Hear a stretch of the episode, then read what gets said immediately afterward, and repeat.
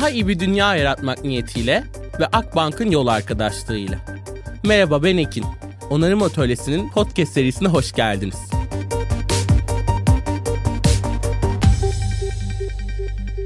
Herkese kocaman bir merhabalar. Onarım Atölyesi Podcast'in yeni bölümüne hoş geldiniz. Yine çok çok heyecanlı olduğum bir konuğum var aslında. Çünkü ilk seferde anlaması ve anlatması zor işlere çok bayılıyorum. Ve sevgili Tuğçe de o kadar kesişimsel, o kadar şahane işler yapıyor ki böyle anlamak, anlamlandırmak ve keşfetmek için biraz mesai harcamak gerekiyor. Bu da beni inanılmaz heyecanlandırıyor.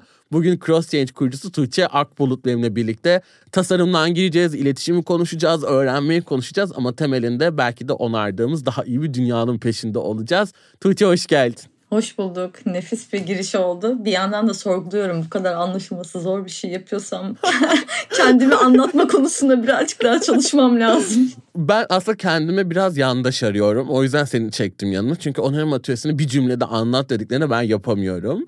O yüzden hani cross change'in de o derinselliğini orada gördüğüm için kendime böyle bir yol arkadaşı bulduğum için seni de sormadan etiketlemiş oldum ama hakikaten de çok böyle heyecanla bu hikayeyi de dinlemek için de sabırsızlanıyorum.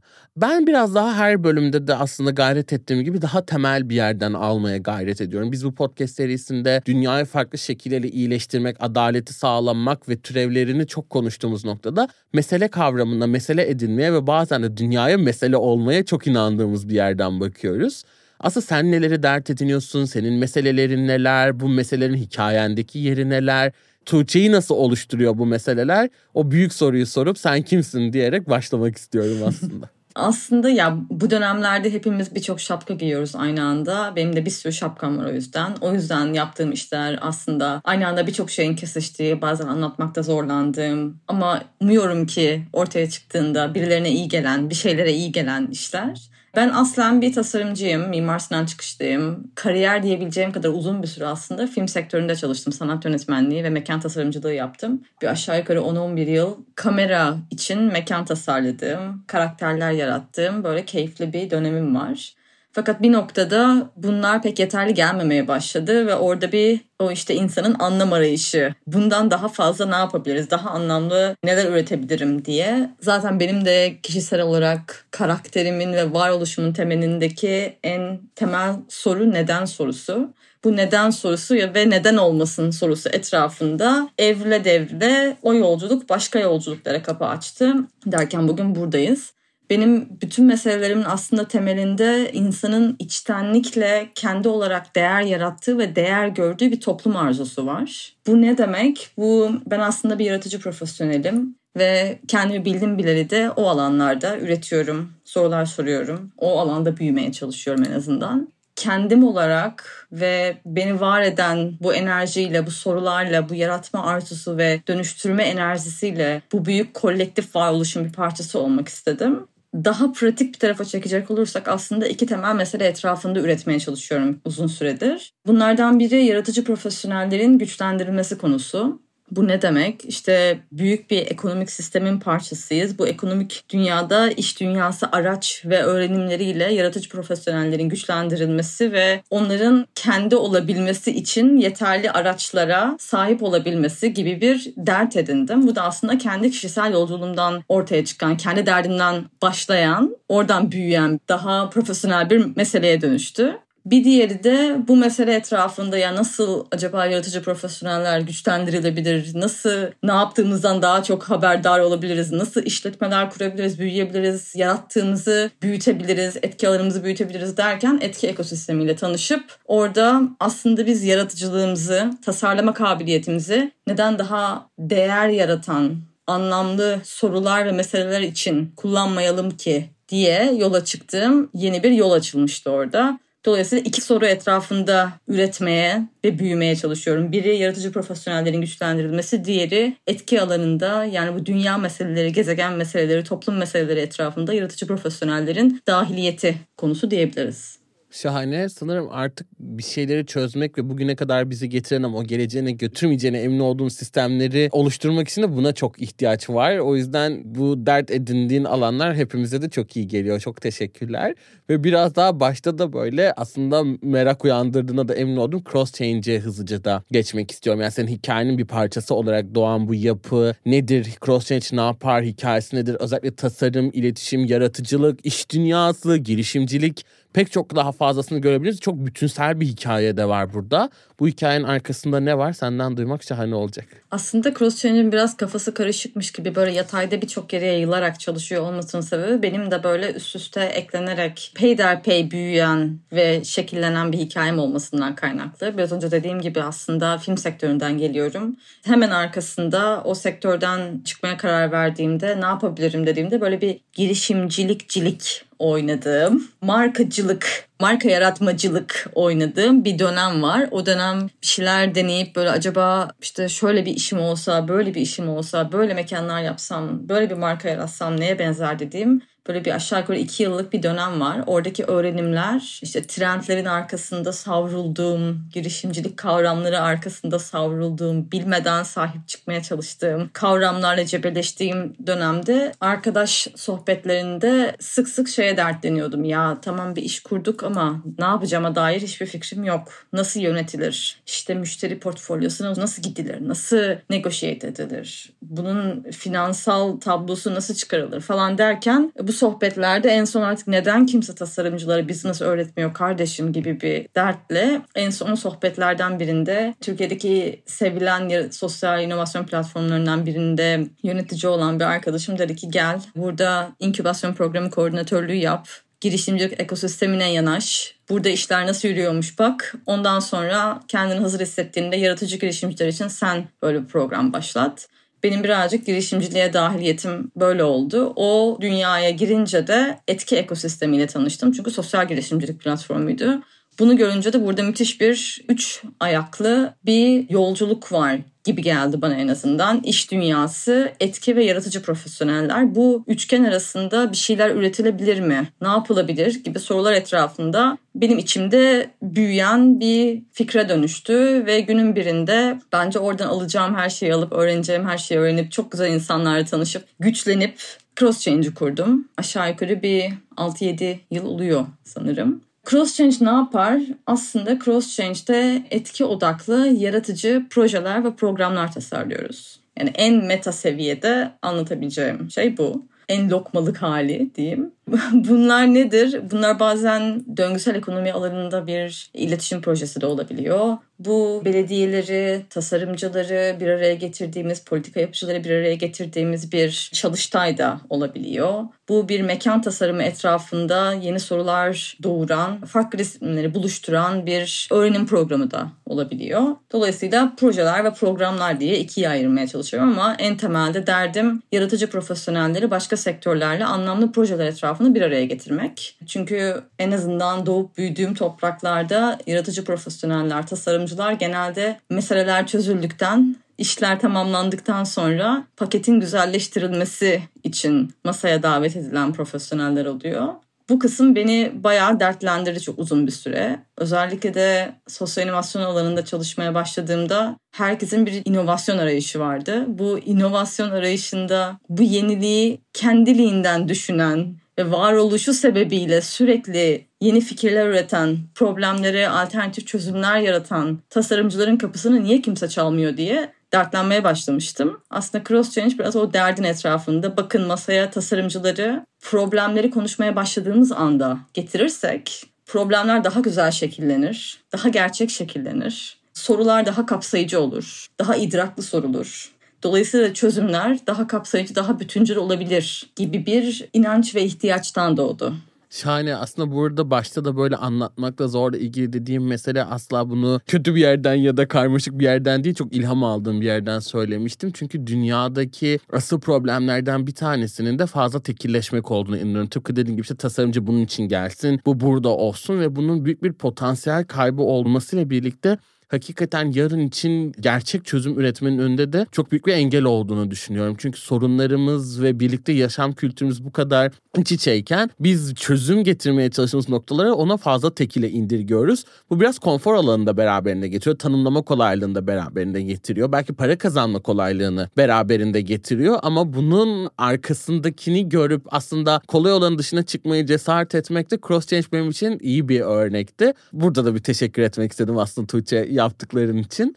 Ve biraz sana hani şeyi de sormak istiyorum. Burada kesişimsellik çok önemli bir noktada ve bugün neden önemli? Sana bunu aslında sormak istiyorum. Özellikle hani dünyada radikal bir eşikten geçtiğimiz çok aşikar 21. yüzyıl yeni başlıyor diyoruz. Çok büyük teknolojiden aslında toplumsala dönüşümler var. İşte sürdürülebilirlik yerini gittikçe onarıcılığa bırakıyor ve her açıda bir geçiş evresindeyiz ve bu geçişi, bu eşiği, bu dönüşümü kolaylaştırmak için bu kesişme meselesi neden önemli? Ve özellikle bu birlikteliği bir etki zemininde nasıl sağlayabiliriz? Yani kesişimden bahsetmeyi seçtiğin için de ben teşekkür ederim. Çünkü bu aralar büyük meseleler etrafında sohbet ettikçe, bilmiyorum sizlere oluyor mu, gözümde çeşitli diyagramlar, şekiller oluşuyor. Bunların en gerçek olanı, en içimden geleni o kesişim kümeleri.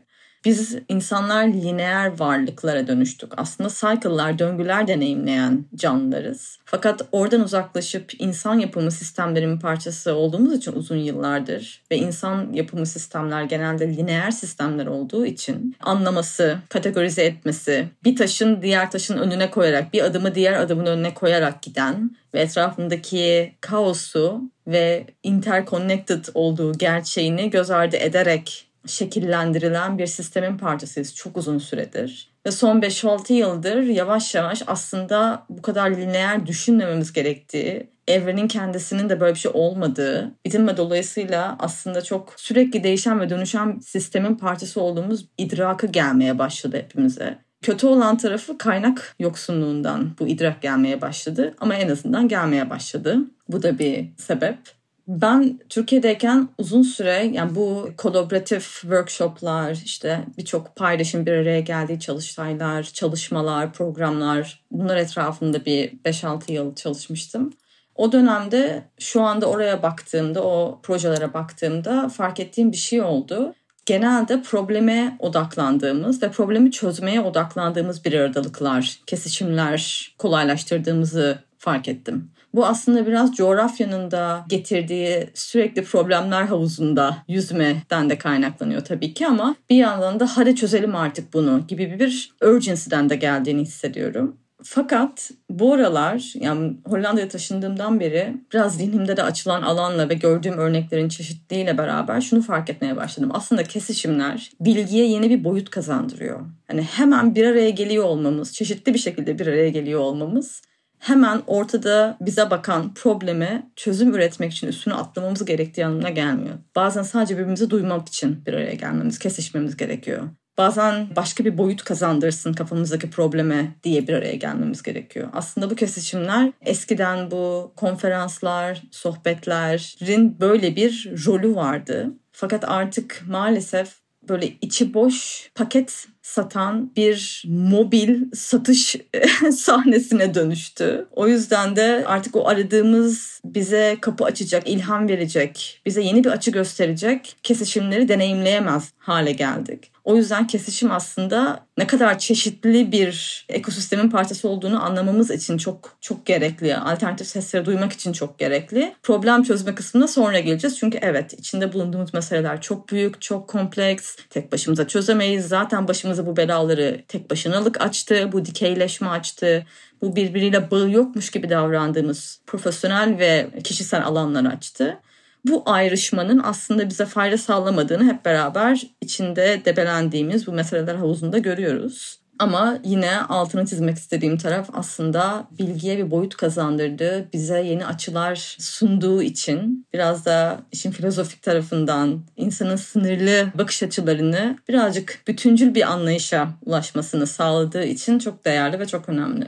Kesinlikle böyle konuşurken de aslında bu podcast serisinde de böyle düşündüğümde buradaki en büyük şey burası bir birliktelik alanı. Yani her alandan farklı sesten çok farklı şekilde dünya ile uğraşan hemhal olan insanların hikayesi var ve bunlar da benim zihnimde bir mix oluyor ve karışıyor ve aslında dünyaya daha farklı adım atabilmemi sağlıyor. Bu dinleyiciler için de belki aynı şeyi taşıyor. O yüzden burada yüzleşme, karşılaşma, birbirini görme, sesini duyma her daim işin çok daha farklı olabileceğini gösteriyor. Örneğin erişilebilir her şey bölümünde de konuştuğumuz mesele tamamen aslında yan yana gelme, karşılaşma alanlarını yapmakla ilgiliydi. Temel böyle bir görevi oluyor olması çok kıymetli ve hani özellikle şeylerin ya sorun çözmek için sorun olduğunda bu bir araya gelme hali. İşbirlikleriyle ilgili benim de bugünlerde Türkiye'de özellikle yaptığım yorum da bu. Yani biz bugünün bir krizini belki çözmek için çok çıkarcı bir yerden bir araya geliyoruz. Birlikte yeni yaşamı tasarlamak, birlikte olmak için değil kendimizi kurtarmak için bunu yapıyoruz ama bu yeni bir sorunun doğmamasını garanti etmiyor. Çünkü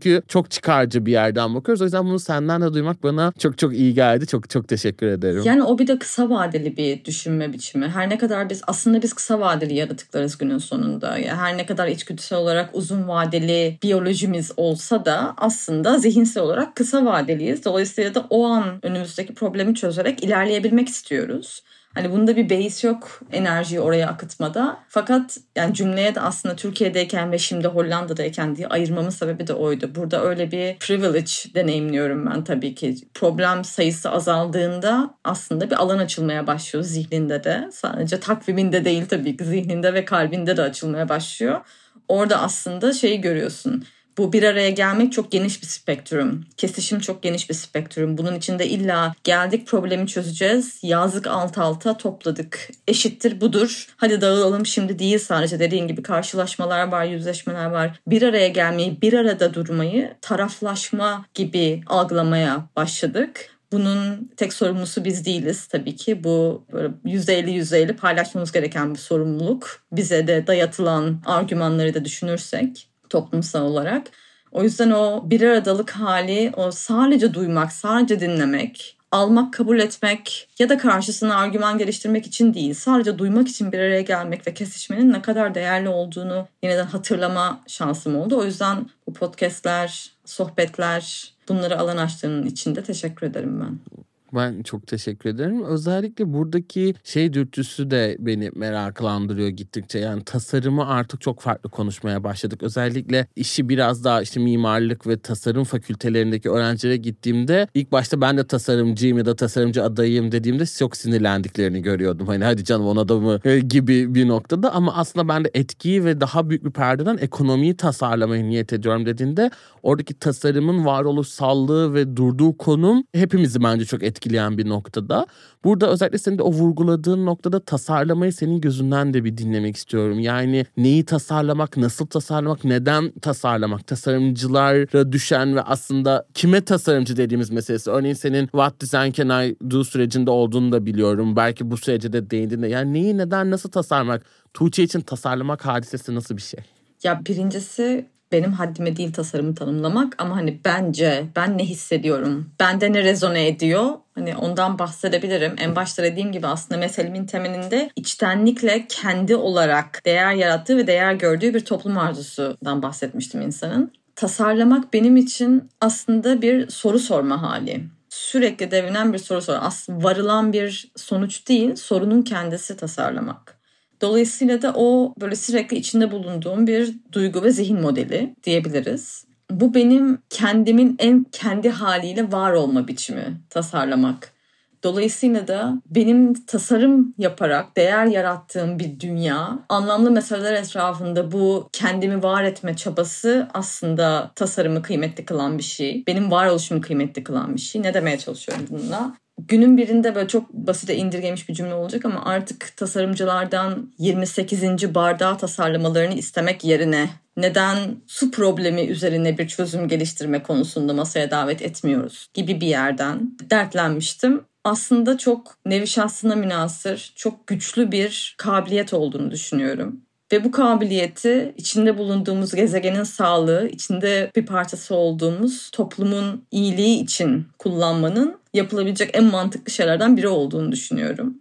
Yaşamın anlamını başka bir yerde aramak yerine bizim nasıl anlam yaratabileceğimiz, buna nasıl anlam katabileceğimiz gibi bir yerden bakmamız gerektiğini düşünüyorum. Bu da bir tasarımcı olarak daha anlamlı alanlarda, sorular etrafında emeklerimi, zamanımı, zihnimi, kalbimi, tutkumu paylaşmak, oraya akıtmak istiyorum. O yüzden de bir pozitif etki yaratacak, bir derde deva olacak, bir problemi çözecek, bir alan açacak, yeni bir meseleye, yeni bir soruya sebep olacak. Tasarımları, tasarımcıları güçlendirmek, onların buluştuğu yerlerde bulunmak, onların etrafında olmak, onlara destek olmak ya da bu yolculuğun en azından bir parçası olmayı çok istedim hep. Cross Change'de denediğim şey buydu ya mimarlık öğrencisini işte X belediyesinin çalışanıyla bir araya getirdiğimizde ortaya çıkan sohbette öğrenilecek milyonlarca şey var. Bu iki tarafta nasıl bir etki yaratabilir? Böyle birlikteliklerin, bir aradalıkların, kesişimlerin kolaylaştırıcısı olmaya çalıştım. Bu yolculukta da İstanbul'dayken çok uzun süre Hollanda'da gözüme kestirdiğim bir organizasyon vardı What Design Can Do diye. Onları çok uzun yıllar takip ediyordum. Hollanda'ya taşındıktan sonra da birkaç yıl sonra yolumuz kesişti ve şimdi aşağı yukarı bir senedir burada program yöneticiliği yapıyorum. Tam da hayal ettiğim gibi etki odaklı yaratıcı profesyoneller ve yaratıcı girişimcilere destek olan bir güçlendirme, geliştirme programının tasarlayıcısı ve yöneticisi olma şansı yakaladım müthiş şans hissediyorum kendimi. Çünkü benim gibi düşünen, inanan ve bütün tasarlama, yaratma kabiliyetini, enerjisini, arzusunu, tutkusunu bu alana yatırmaya hevesli onlarca, yüzlerce insanla bir araya gelme şansım oluyor. Bir yandan aslında bu peşinde koştuğum enerjinin ve misyonun ne kadar gerçek ve global bir misyon olduğunu fark etmemi sağladı bu. Yalnız değilmişiz yani. Çünkü bu aşağı yukarı bir 6-7 sene önce İstanbul'da böyle bir niyetle yola çıktığımda epey yalnız hissetmiştim kendimi. Biz çünkü yaratıcı profesyoneller genelde böyle büyük meselelerde masaya çağrılan profesyoneller değiliz aslında. Biraz önce dediğim gibi böyle çok meselenin sonuna geldiğinde erişilebilirliği için, meselenin ya da çözümün arzulanabilirliği için masaya çağrılan profesyonelleriz. Burayı burada böyle bir tepe taklak etmiş bütün sistemi bir yaklaşım görünce bana çok iyi gelmişti. Daha iyi bir dünya yaratmak niyetiyle ve Akbank'ın yol arkadaşlığıyla onarım atölyesine kaldığımız yerden devam ediyoruz. Aslında o tasarlamaktan çıktığımız yolda meselenin buna geliyor olması ve bunu artık daha bütüncül bir yerden ele alıyor olmak çok çok kıymetli. Özellikle dünyada benim kendim de sanuculuğunu yapmak istediğim konulardan bir tanesi de şeyi de yıkmak. Bir ünvanı, bir şeyi, kendimize bir şey diyebilmek için sanki bir kurumun akreditasyonuna ihtiyaç varmış gibi hissediyoruz ama iki kavram var ki inandığım. Biri changemaker, biri de tasarımcı olma kimliği. Bunlar kendi kendimize ya da savunucu olmak. Bunlar alabileceğimiz kimlikler. O yüzden çok önemli olduğunu düşünüyorum. Yani bir kurumun, bir yerin, bir otoritenin bize bir şey atamadan ben bir tasarımcı olmaya niyetleniyorum. Bunu tasarlamaya, buna bir tasarımcı pratiğiyle yaklaşmaya niyet ediyorum diyebilmenin çok önemli olduğunu düşünüyorum. O yüzden o yalnız hissetme halinde birçok açıdan hem artık daha kalabalık olmamız vesilesiyle hem de bu kimlikleri de üstlenip bir topluluk ruhunda üst üstlenebilmemiz açısından çok iyi ve önemli olduğunu düşünüyorum. Bana da iyi geliyor bu. Çok çok teşekkür ederim. Ya orada tabii bir şey de var. Etiketlere yani verilen öğretilerin, eğitimlerin bunların da değerinin altını boşaltmadan tabii ki çeşitli kavramlara sahip çıkmak lazım. Çok enteresan teoriler, tasarım teorileri var. Çok enteresan tasarım tanımlamaları var dünyanın dört köşesinde. Meseleye nereden baktığınızla da ilgili biraz. O yüzden bunları da bilmek lazım. Ama biraz önce söylerken tasarlama kabiliyeti, niyeti, tutkusu dememin sebebi de aslında o. Çünkü dediğin gibi bu öğrenilebilecek bir şey. Bu bir zihinsel model. Buna sahip çıkabilirsin. Bunu meselelerle karşılaştığında uygulayacağın bir araç olarak da kullanabilirsin. Bunu bir zihinsel model olarak da giyebilirsin. Bunu aslında bir soru sorma şekli olduğunu kabul edip her şeye sıfırdan başlarken sahip çıkabileceğim bir yaklaşım olarak da konumlandırabilirsin. Bu tasarım öğrenimleri önemli çünkü onlar da çok uzun yıllar distile edilmiş öğrenimlerden oluşturulmuş bir değer seti. Onu da göz ardı etmeden tabii ki sahip çıkmak lazım kavramlara. Evet evet bu önemli bir uyarıydı aslında hadi bakalım tasarımcıyım deme halinden ziyade biraz daha öyle hissetme ve onun pratiklerini kendine alabilme üzerine bir söylem benimki de. bunun hepimize iyi bir alan açabildiğini de düşünüyorum. Ve aslında burada hem bahsettiğin süreçlerde tasarımla ilgili hem çalıştığın noktalarda özellikle senin çalıştığını cross change'inde çalıştığın noktalardan birinde öğrenme olduğunu görüyoruz ve bu beni çok heyecanlandırmıştı ilk gördüğümde. Çünkü benim bugün öğrenmeyle kurduğum ilişki bir aşk nefret ilişkisi gibi.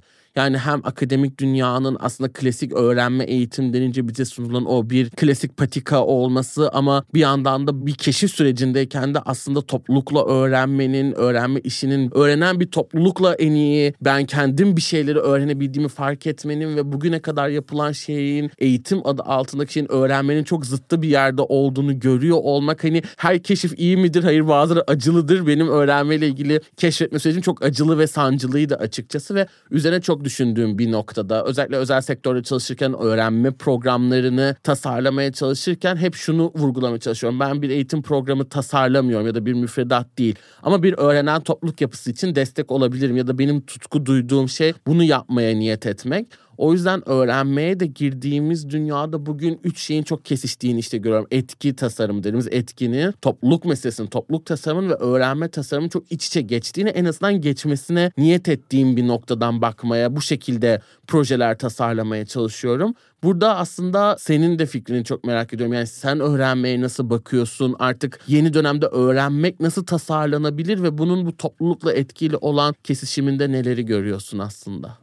Ya bu çok kişisel bir şey bence öğrenmek. Çok kişiye göre de değişen bir şey. Modeller var tabii ki bir sürü hepimizin faydalandığı. işte yaklaşımlar var, araştırmalar var, zihin modelleri var. Ona göre ayak uydurmaya çalışıyorsun. Hangi zihin modelindeyse ona göre bir format ya da bir akış çıkarmaya çalışıyorsun falan ama günün sonunda ben biraz öğretmen anne baba çocuğu olarak evde birebir okul dışındaki öğrenim deneyimlerine dair çok uzun yıllar yakından bu ilişkileri deneyimleme şansım oldu. Benim için kişisel olarak en köklenen öğrenme şekli ilişkiler üzerinden öğrenme, birbirinden öğrenme, birlikte öğrenme kısmı. Bunu alan açacak, bunu kolaylaştıracak yolculuklar tasarlamaya çalışıyorum. Biraz önce dediğin gibi ben de müfredat tasarlamıyorum kesinlikle. Ayrıca haşa.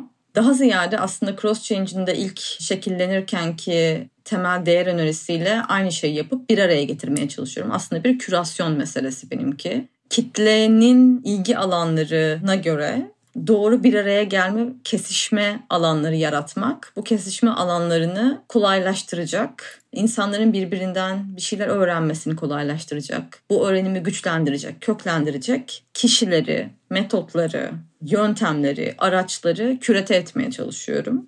Bu zamana kadar yine hep böyle iki taraflı işledi bu öğrenim yolculuğu. Bir tanesi yine girişimcilik yolculuğu yaratıcı girişimcilik. Hala Türkiye'de pek böyle sahip çıkmadığımız kavramlardan biri. Yaratıcılıkla girişimciliği pek yan yana getirmiyoruz.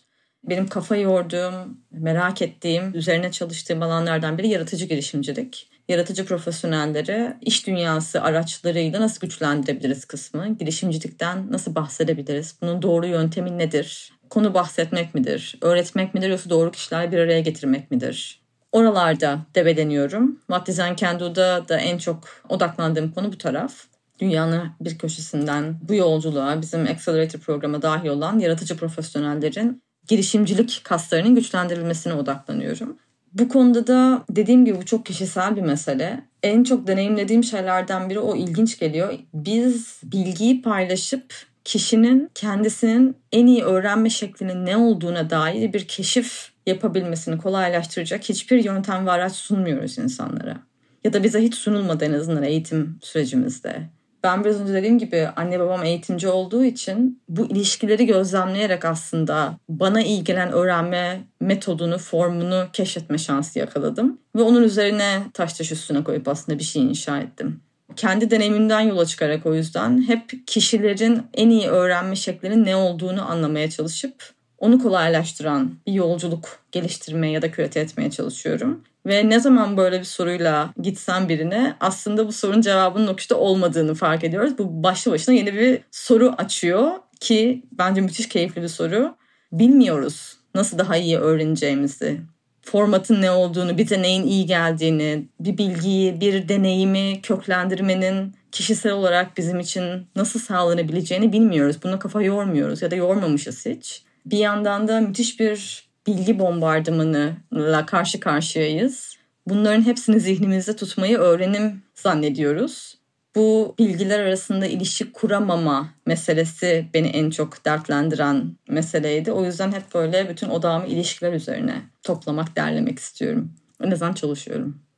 Şahane özellikle burada şeyi de keşfetmek sanırım çok önemli bir noktada. Yani bunun en azından çoktan yapmış olmalıydık ama tek tipleştirmemek. Yani öğrenme süreçlerini işte aslında okullardan bugün kurumlara kadar 30 kişiyi bir sınıfa alıyoruz ve bir kişi gelip tek tip şekilde bunu anlatıyor. Belki de hani dedin ya sormakla ilgili. Sanırım bu bile önemli bir adım olacak öğrenme meselesiyle ilgili. Bu işi tek tipten çıkarıyor olmak ve bunun sancısını da çok çekiyorum. Yani örneğin bir kişinin sadece bir şey anlattığı ve benim not almak zorunda olduğum genel eğitim, öğrenme çok farklı şeyler bunlar ama dediğimizde aklımıza gelen modelin bende yaramadığını görüyorum. Yani daha tartışarak, daha üreterek, daha sorarak benim ihtiyacım olan şey. Ben sorulardan çok öğreniyorum örneğin cevaplardan çok. O yüzden belki de bunun tek tipleşmediğini görmek bile önemli bir adım olacak gibi hissediyorum bizim için. Aynen sen kendine sorarak en azından deneyimlerin üzerinden sana neyin iyi geldiğini keşfetmişsin mesela. Bunu keşfetmeye çalışmak aslında bütün basamakların en başı ve şöyle bir yanılsama da var. Biz böyle trendleri seven de bir toplumuz ya. Hani son bir 10-15 yıldır böyle müthiş bir co-la başlayan workshoplar ve çalıştaylar. Nedense illa bir araya gelmemiz lazım. O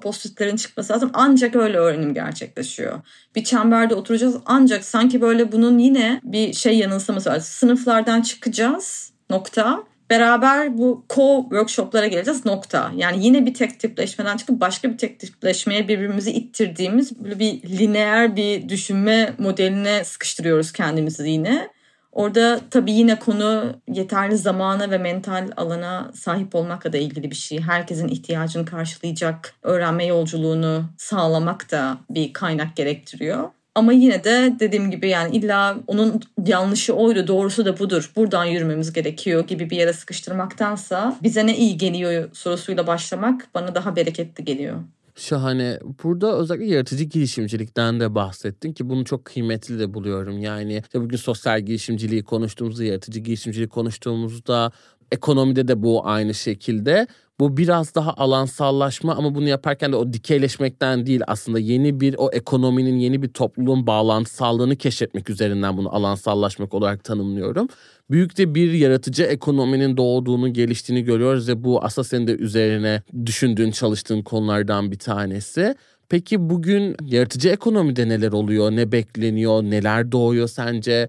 Ve hani bu etki konusuyla nasıl kesişiyor biraz daha onu da duymaya ihtiyacım var gibi hissediyorum. Çünkü hani işte yaratıcı ekonomi ayrı tamam etki ekonomisi ayrı bir yerde mi gerçekten? Oradaki o bağlantısallık nasıl senden duymak yine beni çok mutlu edecek. Bir dönem sosyal girişimcilik konuşurken şeyi hatırlıyorum. Sosyal girişimcilik sadece sosyal meselelere odaklanıyor. İşte diyelim ki iklim kriziyle ilgili meseleler, işte bu environmental konusuyla çok ilgilenemiyor. Oralara çok gitmediği için hemen bir yukarıya çıkalım bir şemsiye kavram etki girişimciliği diyelim o zaman. Hani daha kapsayıcı olsun. Şimdi bir yandan bir yaratıcı girişimcilikte yeni bir etiket tanımlama çabamız var. Bir yandan Createch diye bir sub kategori geliyor yaratıcı girişimciliğin altında. Yaratıcılıkla teknolojinin birleştiği. Bir yandan bir iklim girişimciliği var. Derken böyle yine bir kavramlar ve etiketler arasında sıkışıyoruz. Benim yaratıcı girişimcilik kelimesini, kavramına sahip çıkmaya çalışmamın sebebi aslında biraz yan yana gelmeyen iki kavramı ısrarla yan yana gelmesi gerektiği savunuculuğunu yapma ihtiyacımdan doğuyor. Bu da aslında yaratıcılığın bir bohem ve mistik bir duygu durumun olmadığı aslında bir yandan da bunun profesyonel bir karşılığı olduğunu, ekonomide bir yeri olduğunu, işte Türkiye'nin mesela bir dönemler sık sık rapor tarayıp bu savunuculuğu biraz da veriyle desteklemeye çalıştığım dönemlerde Türkiye'nin en büyük ikinci ihracatının aslında film ihracatı olduğunu öğrenmiştim bu aralar sanıyorum filmle oyun sektörü kafa kafaya gidiyordur diye düşünüyorum Türkiye'de hızla büyüyen. Ne zaman ki ekosistem gerçekten finansal olarak güçlenmeye başlıyor o zaman biz ekonomik sistemin bir parçası olarak konuşulmaya başlıyoruz. Benim dertlendiğim konu aslında bu idraka daha öncelerde yani okul zamanlarında biz profesyonel eğitim alırken hafif hafif kulağımıza çalınsa belki de o yoldan gitmek isteyecek olan yaratıcı profesyonellerin kendilerini güçlendireceği, kendi iş dünyası araçlarıyla ilgili hissettikleri ihtiyacı karşılayacakları yeni alanlar bulabilecekleri ihtimali için yaratıcı girişimcilikten konuşmak istiyorum. Çünkü bunu demediğimizde illüstratör dediğimizde sadece grafik tasarımcı dediğimizde ya da AR için üreten bir illüstratör dediğimizde bunun ekonomide bir karşılığı yokmuş da bu sadece böyle göze hoş gözüken insanların evlerinde bilgisayarlarında böyle tatlı tatlı çizdiği bir şeylermiş de biz sadece canımız iletişim yapmak istediğimizde ihtiyaç duyduğumuz, kapısını çaldığımız bir güzelleştirme aracıymış gibi yaklaştığımızda orada kocaman bir ekosistemin kendini güçlendirme ve bağımsızlaştırma kabiliyetini elinden alıp onu kırılganlaştırıyoruz diye düşünüyorum.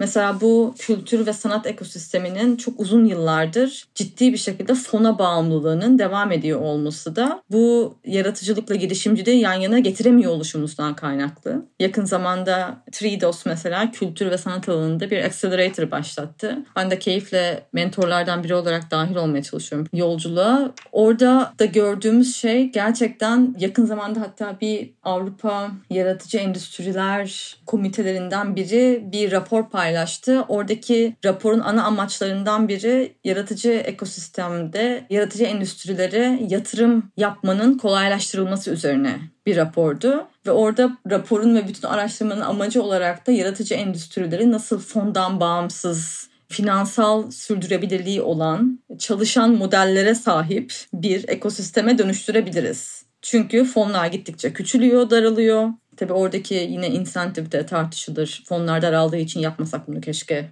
keşke aslında daha kocaman bir ekonomik sistemin parçası olduğumuz gerçeğini kabul ederek bizim de bu ekonomik modelin paydaşlarından biri olduğumuzu kabul ederek aslında bu yola çıksak çok daha sağlıklı bir olacak tabii ki. Ama bu yaratıcı girişimcilik meselesi yaratıcı profesyonelleri bağımsızlaştırma yolculuğunun önemli bir adımı olarak görüyorum ben çok kritikti bu ve çok çok teşekkür ediyorum aslında bunu açtığın için. Özellikle ekonomiyi de bugün tasarlama, bahsetme şekli her zaman finansallığın ötesindeki o birlikte bir ekosistemi de anlatma hikayesi olduğu noktası da bence çok kıymetli. Özellikle bugün yeni ekonomileri yaratmak dediğimiz noktada da farklı şekillerde çalışan grupların bağlantısallığını keşfetmek ve o yeni ekonominin içerisindeki alt grupları görüp tanımlıyor olmak da bence çok çok önemli bir nokta. Ve burada en çok da duyduğum şeylerden biri ve aslında bildiğim için de biraz o kopyada çektiğim noktada iletişime de çıkıyor her mesele ve bir hikayeyi anlatmak. Özellikle sen en başta dedin ya hani ulaşmak, erişmek kısmı ile ilgili yardım istiyoruz. Paketi güzel göstermek ya da sevdirmekle ilgili. Aslında bugün çağımızda bence bir devrim ve bir lanet olan bir kavram da iletişim. Yani benim genel olarak iletişimcilere sinirli diye tabir edebilirim bunu olduğum bir noktada. Meseleleri özellikle bu daha PR tarafına çeken, mesajları çok daha farklı noktaya çeken ve bir şekliyle hep böyle takıldığımız yerin iletişimle ilgili olduğunu hissettiğim bir dönemde geçiyorum. Hatta böyle akışı çalışırken de iletişimi sorarken de hey gidi koca dünya bu gam yükü müsün böyle dönüyordu arkanda dedim ki tam olarak hani iletişimle ilgili hissettiğim şeyi de bu anlatıyor. Ve bugün aslında özel sektöre baktığımızda sivil topluma baktığımızda iletişim bir şeylerin çözümüne engel olabilecek kadar da güçlü bir yerde duruyor. Yani çözüm için çok alternatif ve her şeyi aslında kolaylaştıracak bir şey bazen bir engel olarak da karşımızda durabiliyor. Bugün etkiyi konuştuğumuzda, tasarımı konuştuğumuz yerde iletişimle nasıl şekilleniyor? Sence bugün artık iletişimde neleri yapıyor, neleri yapmıyor olmamız gerekiyor? İletişim konusu öyle bir yere geldi ki artık iletişimin nesnesi yok son zamanlarda. Yani iletişim for the sake of iletişim şu aralar. Köklenmiş bir değeri mi anlatıyor? Hayır. Yeni bir dönüşümün habercisi mi? Hayır. Böyle bir yarışın elemanları gibi kurumlar, organizasyonlar. Hayır ben daha havalı ve daha büyük tik alan, like alan, işte artık sayılara ulaşan şeyi yapacağım. Hayır ben daha çok ödül alan kampanyayı geliştireceğim. Bunu neden yaptığımıza dair soruları sormaz olduk. Böyle yılın içinde belli zamanlar var biliyorsundur. İşte organizasyonların, kurumların çeşitli ödüllere başvurduğu. Hani böyle kurumların artık sadece görünmek ve suyun üzerinde kalmaya devam etmek için deliler gibi efor, zaman, kaynak akıttığı içi boş bir paket yapma çabası da olduğumuzu düşünüyorum. Greenwashing zaten yani Dubai'de kop yapıyoruz. Hani artık neresinden tutacağımızı bilemediğimiz bir konu. Gerçekten neyi neden yaptığımızı sorgulamadığımız bir döneme geldiğimizi düşünüyorum iletişim konusuyla ilgili. Bayağı bundan bir sene önce daha çok iletişim odaklı, farkındalık yaratma, kapasite geliştirme, merak uyandırma, yeni sorulara sebep olma gibi niyetlerle iletişim projeleri yapıyorduk. Son birkaç senedir biraz böyle elimi ayağımı çekmek istiyorum o alandan. Çünkü neyin neden yapıldığına dair bir soruyu konuşamaz hale geldik artık markalarla. Bu yarışın içinde olmanın anlamlı olmadığını düşünmeye başladım açıkçası. Neleri yapmak, neleri yapmamak lazım, yani neleri yapmamak lazım kısmı bence herkes için çok açık. Neleri yapmak lazım kısmı da neyi neden yaptığımızı sormamız lazım bence. Çünkü müthiş bir güç hikaye anlatıcılığı müthiş bir manipülasyon kabiliyeti var. Bunu iyi için kullanma şansımız var. Niyetimiz var mı? O bir soru işareti. Geçen sene Circumcenter diye bir proje yapmıştık. Böyle bir üç aşamalı bir sohbet serisiydi. En temel core sorudan başlayıp gittikçe dışarı doğru açılan bir sohbet yapısı vardı. Çünkü tüm projeyi insanın aslında niyetinin ne olduğu ve o niyeti içindeki o kök niyetin her neyse onu gittikçe büyüttüğün fikri ve ona hizmet ettiğin fikri etrafında şekillendirmiştik. Benim de inandığım şey o. O yüzden neyi neden yapıyorsun sorusu niyete alan açan bir soru. Niyette görünür olmak, bilinir olmak, duyulur olmak gibi yüzeysel bir niyet varsa ki var birçok markada ve kurumda ya bunu yapan arkadaşları da ellerine sağlık deyip yoluma devam etmek istiyorum. Bunlar olmaya devam edecek ve bilmiyorum böyle elimizde müthiş güçlü bir değnek var ve bunu çok yanlış yerlere savuruyormuşuz gibi hissediyorum. Bir yandan da bütün dünyanın iletişim kanalları böyle iki tane deli adamın eline bağlanmış durumda. Yani bütün koca koca kurumlar, organizasyonlar, influencerlar, bireyler, aktivistler hepimiz birkaç tane kanal içinde bütün hikayelerimizi paylaşmaya çalışıyoruz. Ve bu insanlar bir hikayeleri ne tarafa çekerse, platformu ne tarafa sürüklerse, algoritmasını ne tarafa doğru yönlendirip büyütürse biz yönümüzü o tarafa doğru kaydırıyoruz böyle müthiş saçma sapan bir savaşın ve girdabın içindeymişiz gibi gelmeye başladı. Orada da ben yolumu biraz şeyle bulmaya başladım açıkçası. Birkaç hafta önce bir community buluşmasına dahil olmuştum. Orada Global Goals Jam'in co-founderlarından biriyle Marco ile tanışma şansım oldu ve ikimiz de çok benzer bir dertten muzdarip olduğumuzu fark ettik. Bu esnada aslında Global Goals Jam'in nasıl müthiş kalabalık bir komitesi olduğunu, dünyanın bilmem kaç köşesine ulaştığını falan konuşurken şunu hissetmeye başladım. Ya belki de o kadar ulaşmamamız gerekiyordur. Belki de bu kadar görünmememiz gerekiyordur. Belki de bu kadar bilmememiz gerekiyordur. Çünkü gittikçe proses edemediğimiz kadar bilgiye maruz kalıyoruz. Bu bilgilerin yarısından fazlası çöp zaten. Sen daha gerçekliğini sorgulayamadan o zihnimizden uçup gidip yerine yenisi gelmeye başlıyor. Tüm bu kalabalıkta ve tüm bu bitmeyecek yarışta yolumu ancak ölçeği küçülterek sadece proses edebileceğim kadar etrafımdakilere ulaşmaya çalışıp, dokunmaya çalışıp, onlarla üretmeye çalışıp, ondan dertlenmeye çalışıp kendi kapasitem ve ölçeğim içindeki meselelere dertlenip onlar için üretmekte buldum. O yüzden neler yapmak lazım, neler yapmamak lazım. Ben yapmak lazım kısmında ölçeği daraltmak kısmındayım. Çok teşekkürler Tuğçe. Aslında burada da bana da düşündüğümde markalarla özellikle en çok verdiğim savaştan biri etki, sürdürülebilir onarıcılığı her ne diyorlarsa aslında daha iyi bir dünya yapma meselesini bir PR malzemesi olarak bir element olarak görmeleri ve eklemek üzere bunu kullanıyor olmaları.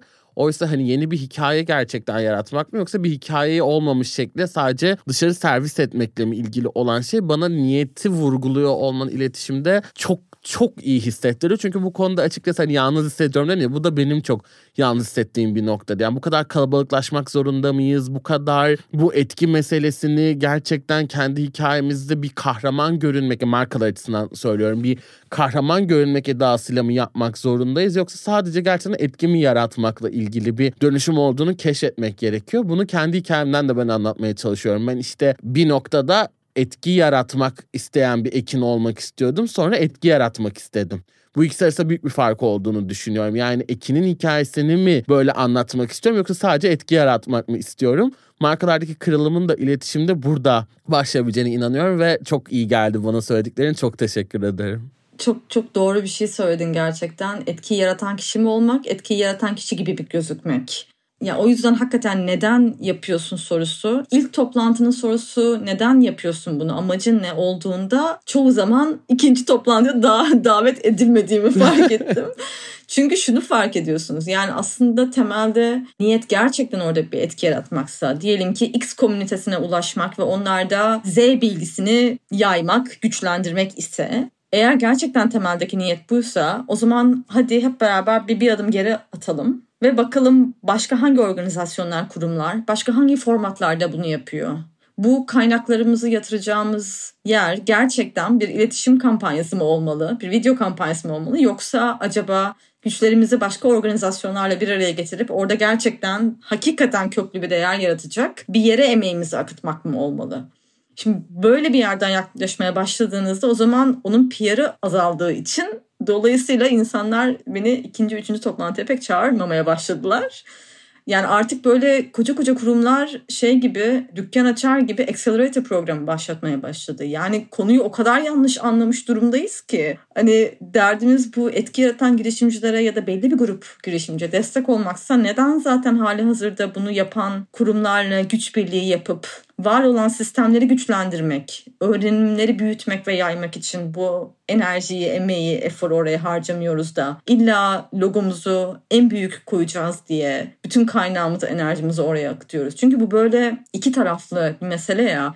Yani arz talep meselesi o alanda talep arttıkça bizim tarafta üreten kişiler de artık buna hizmet eden üretimler yapmaya başlıyor. Ve bu böyle birbirini büyüterek yani canavarı büyüterek yokuş aşağı yuvarlandığımız bir şeye dönüşüyor. Yani illa bir kurtarıcıyı beklemeye gerek yok tabii ki ama yine de böyle ara ara işte senin yaptığın podcast gibi ya da işte Esmiyor ekibi gibi ne bileyim böyle küçük küçük daha yerel başlayan, sesini sakınmayan, kendi tarzı tadı adı olan, hayır diyebildiği işler olan, kurumlar olan, hayır demeye cüret eden seslere, kurumlara, markalara, insanlara, profesyonellere ihtiyacımız var bence. Ama bir yandan da şöyle bir gerçek var. Bu alternatif varoluş şekilleri alternatif olarak kalmaya da mahkum gibi geliyor bana. Belki de onu güçlü kılan şey de alternatif olarak kalmak. O da ayrı mesele.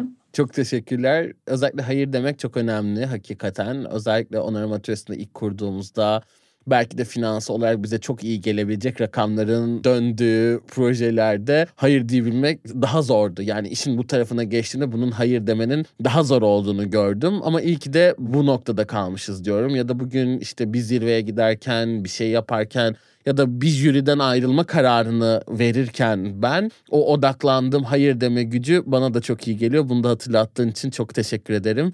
Ve benim her konuma en sonunda da bir ortak sorum var. Sence umut var mı? Yani bence var. Ölçeği daraltırsak var. Hedeflerimizi bir partisi olamayacağımız, bir etkimizin olamayacağı kadar büyük yerlere, büyük ölçeklere çekersek bunun içinde kaybolacağız, ezileceğiz ve etkisizleşeceğiz gibi hissediyorum. O yüzden ölçeği daraltıp elimizin uzandığı yerlere bakarsak oralarda umut var bence. Çok çok teşekkür ederim. O umutlu yerlerde görüşmek üzere. Kendine çok iyi bak. Görüşürüz. Daha iyi bir dünya yaratmak niyetiyle ve Akbank'ın yol arkadaşlığıyla iyilik ve dostlukla. Bir sonraki bölümde görüşmek üzere.